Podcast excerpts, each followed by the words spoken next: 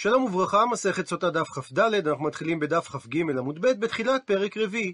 המשנה מונה שבע קבוצות של נשים שאינן שותות את המים המרים. קבוצה ראשונה, נשים שאינן נשואות, קבוצה שנייה, נשים שנשואות באיסור דאורייתא לבעליהן, קבוצה שלישית, נשים שאסורות מפני שזינו תחת בעליהן, קבוצה רביעית, נשים שהבעל מעכב השקעתן, קבוצה חמישית, נשים שמת הבעל, קבוצה שישית, נשים שנשואות באיסור דרבנן לבעליהם, קבוצה שביעית, נשים שאינן יכולות להוליד. קבוצה ראשונה, ארוסה שקינא לה הארוס, ושומרת יבם שקינא לה היבם, שהן לא שותות את המים המרים, ובעקבות גח וגם ולא נוטלות כתובה. והמקור לכך שנאמר, זו תורת הקנאות אשר תסטה אישה תחת אישה ונטמעה.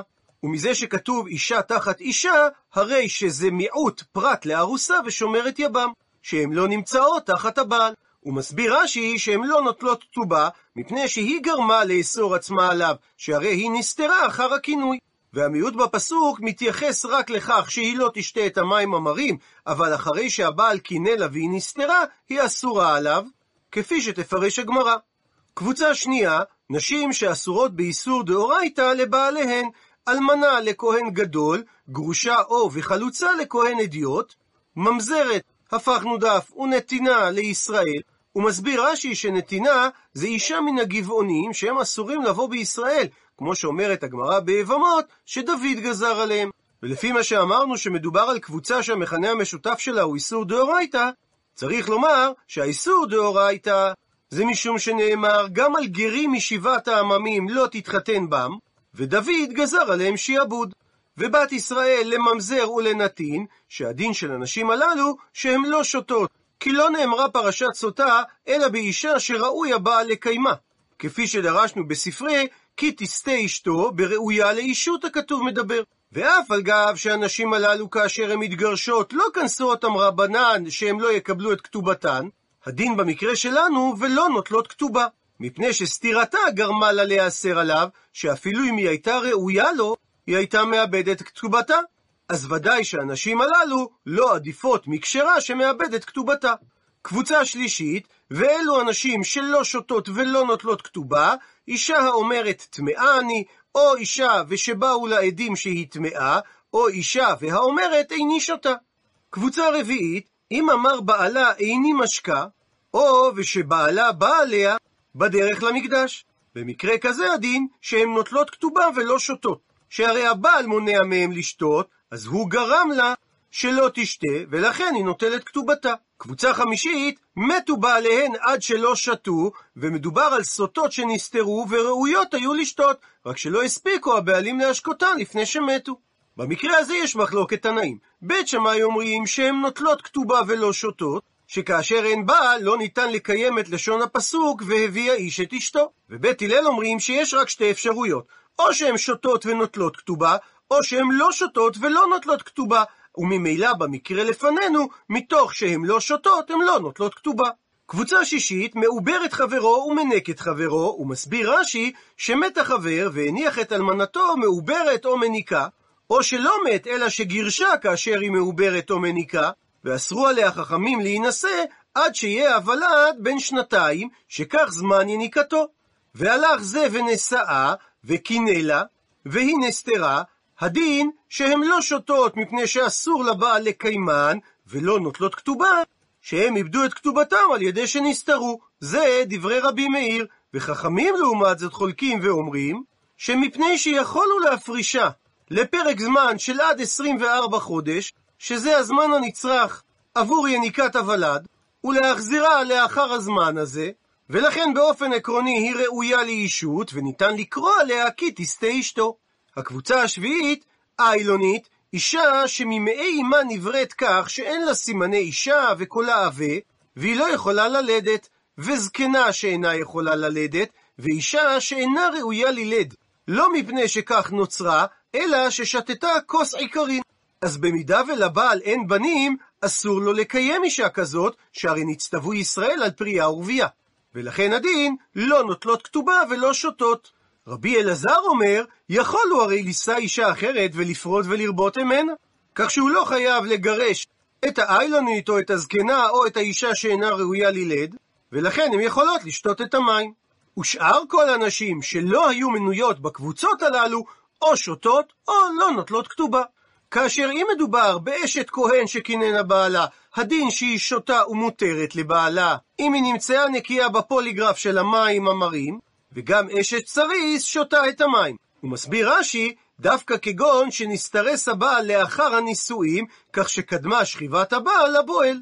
ואומרת המשנה, שעל ידי כל ההיריות מקנים לה, שיכול הבעל לקנא לה מאביה או מאחיה או מאחד מכל שאר עריות שבתורה, ואם היא נסתרה עם אותו אחד, הרי הכינוי תופס והיא נאסרת על בעלה וצריכה לשתות את המים, חוץ מן הקטן, מפני שכתוב ושכב איש אותה, איש ולא קטן, וממי שאינו איש, והגמרא תפרש מה הכוונה. ובנוסף לכל הנ"ל, ואלו אנשים שבית דין מקנאים להם ולא הבעל, אם הם רואים אותם מתנהגות בפריצות.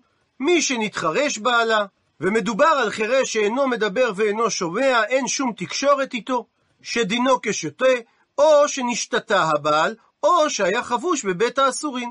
אמנם במקרים האלה, בית דין לא להשקותה אמרו, אלא לפוסלה מכתובתה. רבי יוסי חולק ואומר שכינוי בית דין מועיל אף להשקותה, לכשיצא בעלה מבית האסורים שישקנה הבעל. ומדייקת הגמרא מהמשפט הראשון במשנה, שארוסה ושומרת יבם לא שותות ולא נוטלות כתובה, שדווקא מישתאו דלא שתיה, שהן לא שותות את המים המרים, הכינוי היא מקנא לה. אבל הכינוי על ידי הארוס או על ידי היבם, אוסר אותה עליו, במידה והיא תסתתר. ושואלת הגמרא, מנענה מילי, מה המקור לכך? עונה הגמרא, דתנו רבנן, ששנו רבותינו בברייתא, על הפסוק, דבר אל בני ישראל ואמרת עליהם, איש איש כי תסטה אשתו ומעליו ומעל. ומספיק היה לכתוב, דבר אל בני ישראל. איתור המילים ואמרת עליהם, בא לרבות גם ארוסה ושומרת יבם לכינוי. ושואלת הגמרא, ומתניתין מאני, משנתנו כשיטת מי? עונה הגמרא כשיטת רבי יונתני, דתניא, שכך שנינו בברייתא.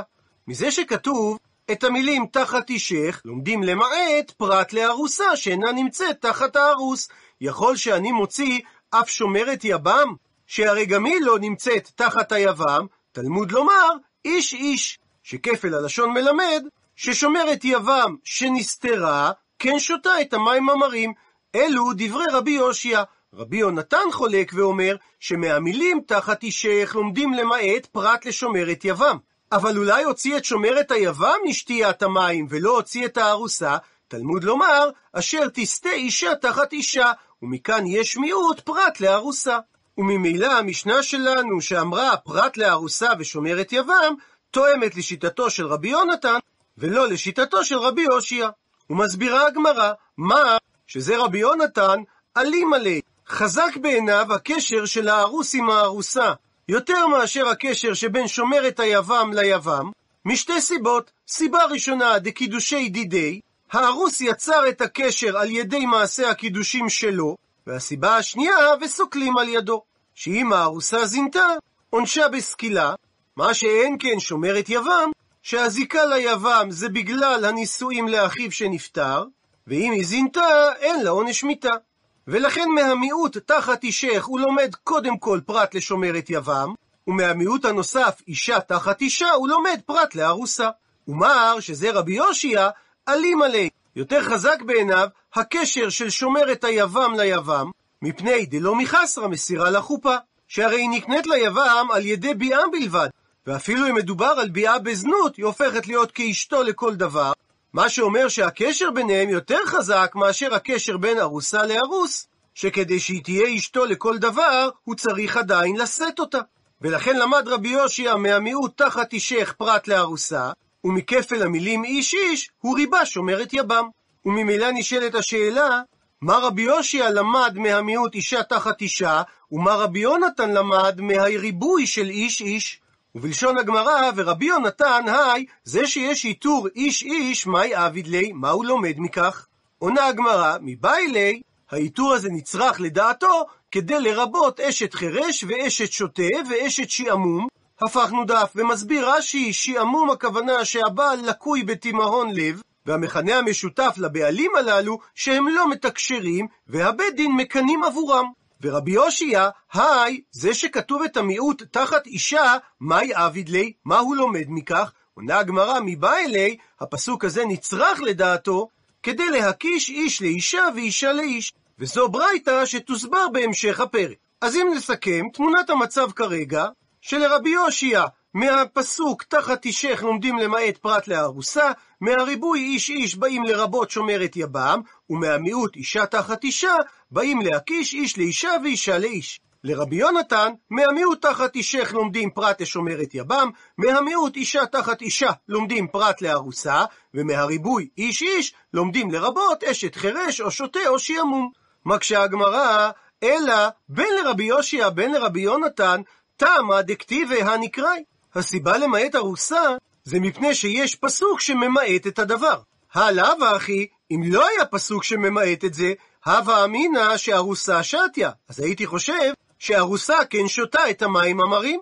והא כי עתה כשבא רבי אחא בר חנינא מדרומה, שלאחר מרד בר כוכבא, מרכז החיים היהודיים עבר לגליל, וכאשר הגיע חכם מאזור הדרום, לוד, בית ג'וברין, ערד, הוא היה מביא איתו מסורת לימוד שלא הייתה ידועה בגליל, ולכן ציינו שהוא הגיע מהדרום. עתה, אז הוא בא, ואייתי מתניתא בידי. הוא הביא את הברייתא הבאה בידו.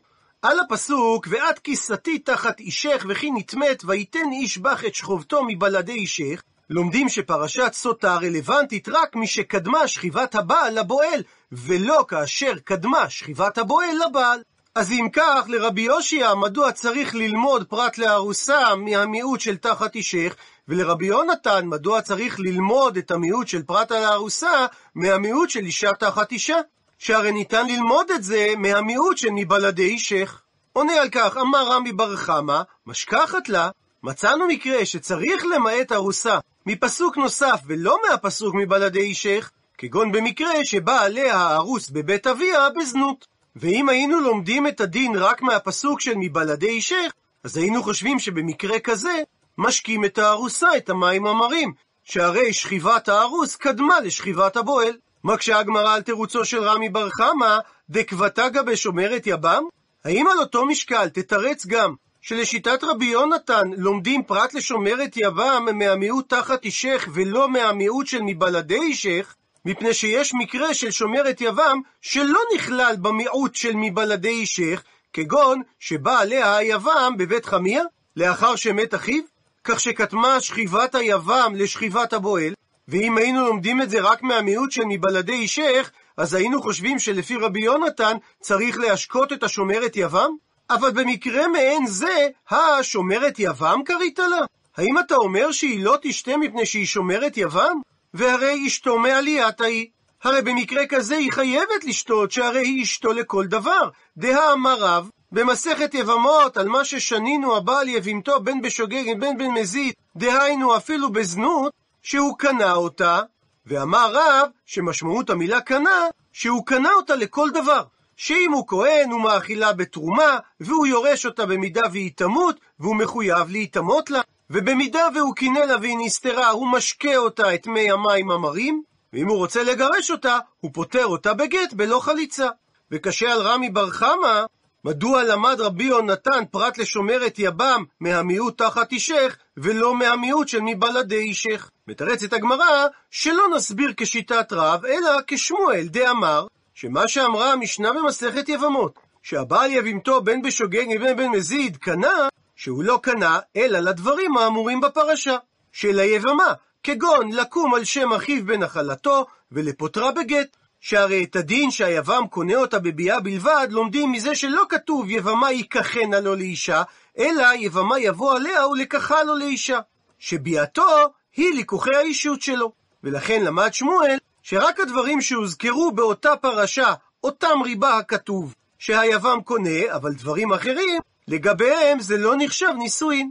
ולכן ביאת היבם בזנות על שומרת היבם, לא מגדירה אותה כאשתו לכל דבר, ולכן היה צריך רבי יונתן למעט פרט לשומרת יבם, לא מהמיעוט של מבלעדי אישך, אלא מהמיעוט של תחת אישך. מקשה הגמרא אי הכי, אז אם כך לפי ההסבר הזה, לימה האם נאמר שרב דאמר כרבי יושיע ושמואל דאמר כרבי יונתן? שרב שאמר שביאת יבם בזנות קונה את האישה לכל דבר, סבר כרבי יושיע דאמר ששומרת יבם נחשבת כאשתו לכל דבר, ולכן היא שותה את המים המרים, ונעמיד שמדובר שבא עליה היבם, ושמואל שאמר שביאת היבם על שומרת היבם לא הופכת אותה לאשתו לכל דבר, סובר כרבי יונתן, שאמר שלא משקים שומרת יבם? והרי לא ייתכן שהמוראים יחלקו במחלוקת תנאים שקדמה להם. מתרצת הגמרא, אמר לך רב, אנא דאמרי, אני אומר את שיטתי, כך שהיא מתאימה אפילו לרבי יונתן. מדאיצטריך קרא למיעוטה, מכלל דאשתו מעלייתה היא. דווקא מזה שרבי יונתן היה צריך את הפסוק המפורש תחת אישך כדי ללמוד פרט לשומרת יבם, משמע שלולא הפסוק הזה, שומרת יבם שנבעלה בזנות ליבם, נחשבת כאשתו הגמורה, וזה תואם לדעת רב, שהסביר את המשנה ביבמות, שביאת יבם בשומרת היבם, קונה אותה לכל דבר כאשתו. הוא מסביר רש"י שלפי שיטת רב צריך לומר שרבי יושי היה צריך לרבות שומרת יבם מהריבוי של איש איש, רק כאסמכתא בעלמא. ועיקר הפסוק מלמד לאשת חירש ושוטה. הפכנו דף, ושמואל אמר, אנא דאמרי, אני אומר את שיטתי, אפילו כך שהיא תתאים לרבי יושיע.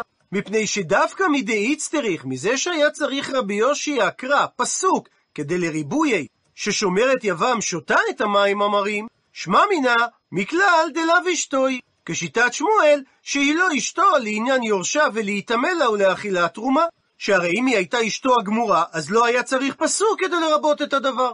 וכל שכן ששיטתו של שמואל מסתברת לרבי יונתן, שהרי הוא אמר שהיא אינה שותה משום שהיא לא אשתו. ומה שלמד רבי יונתן את הדבר מהפסוק, זה רק אסמכתא בעלמא, ועיקר הפסוק לא בא אלא ללימוד של הברייתא, להקיש אישה לאיש. עד לכאן דף כ"ד.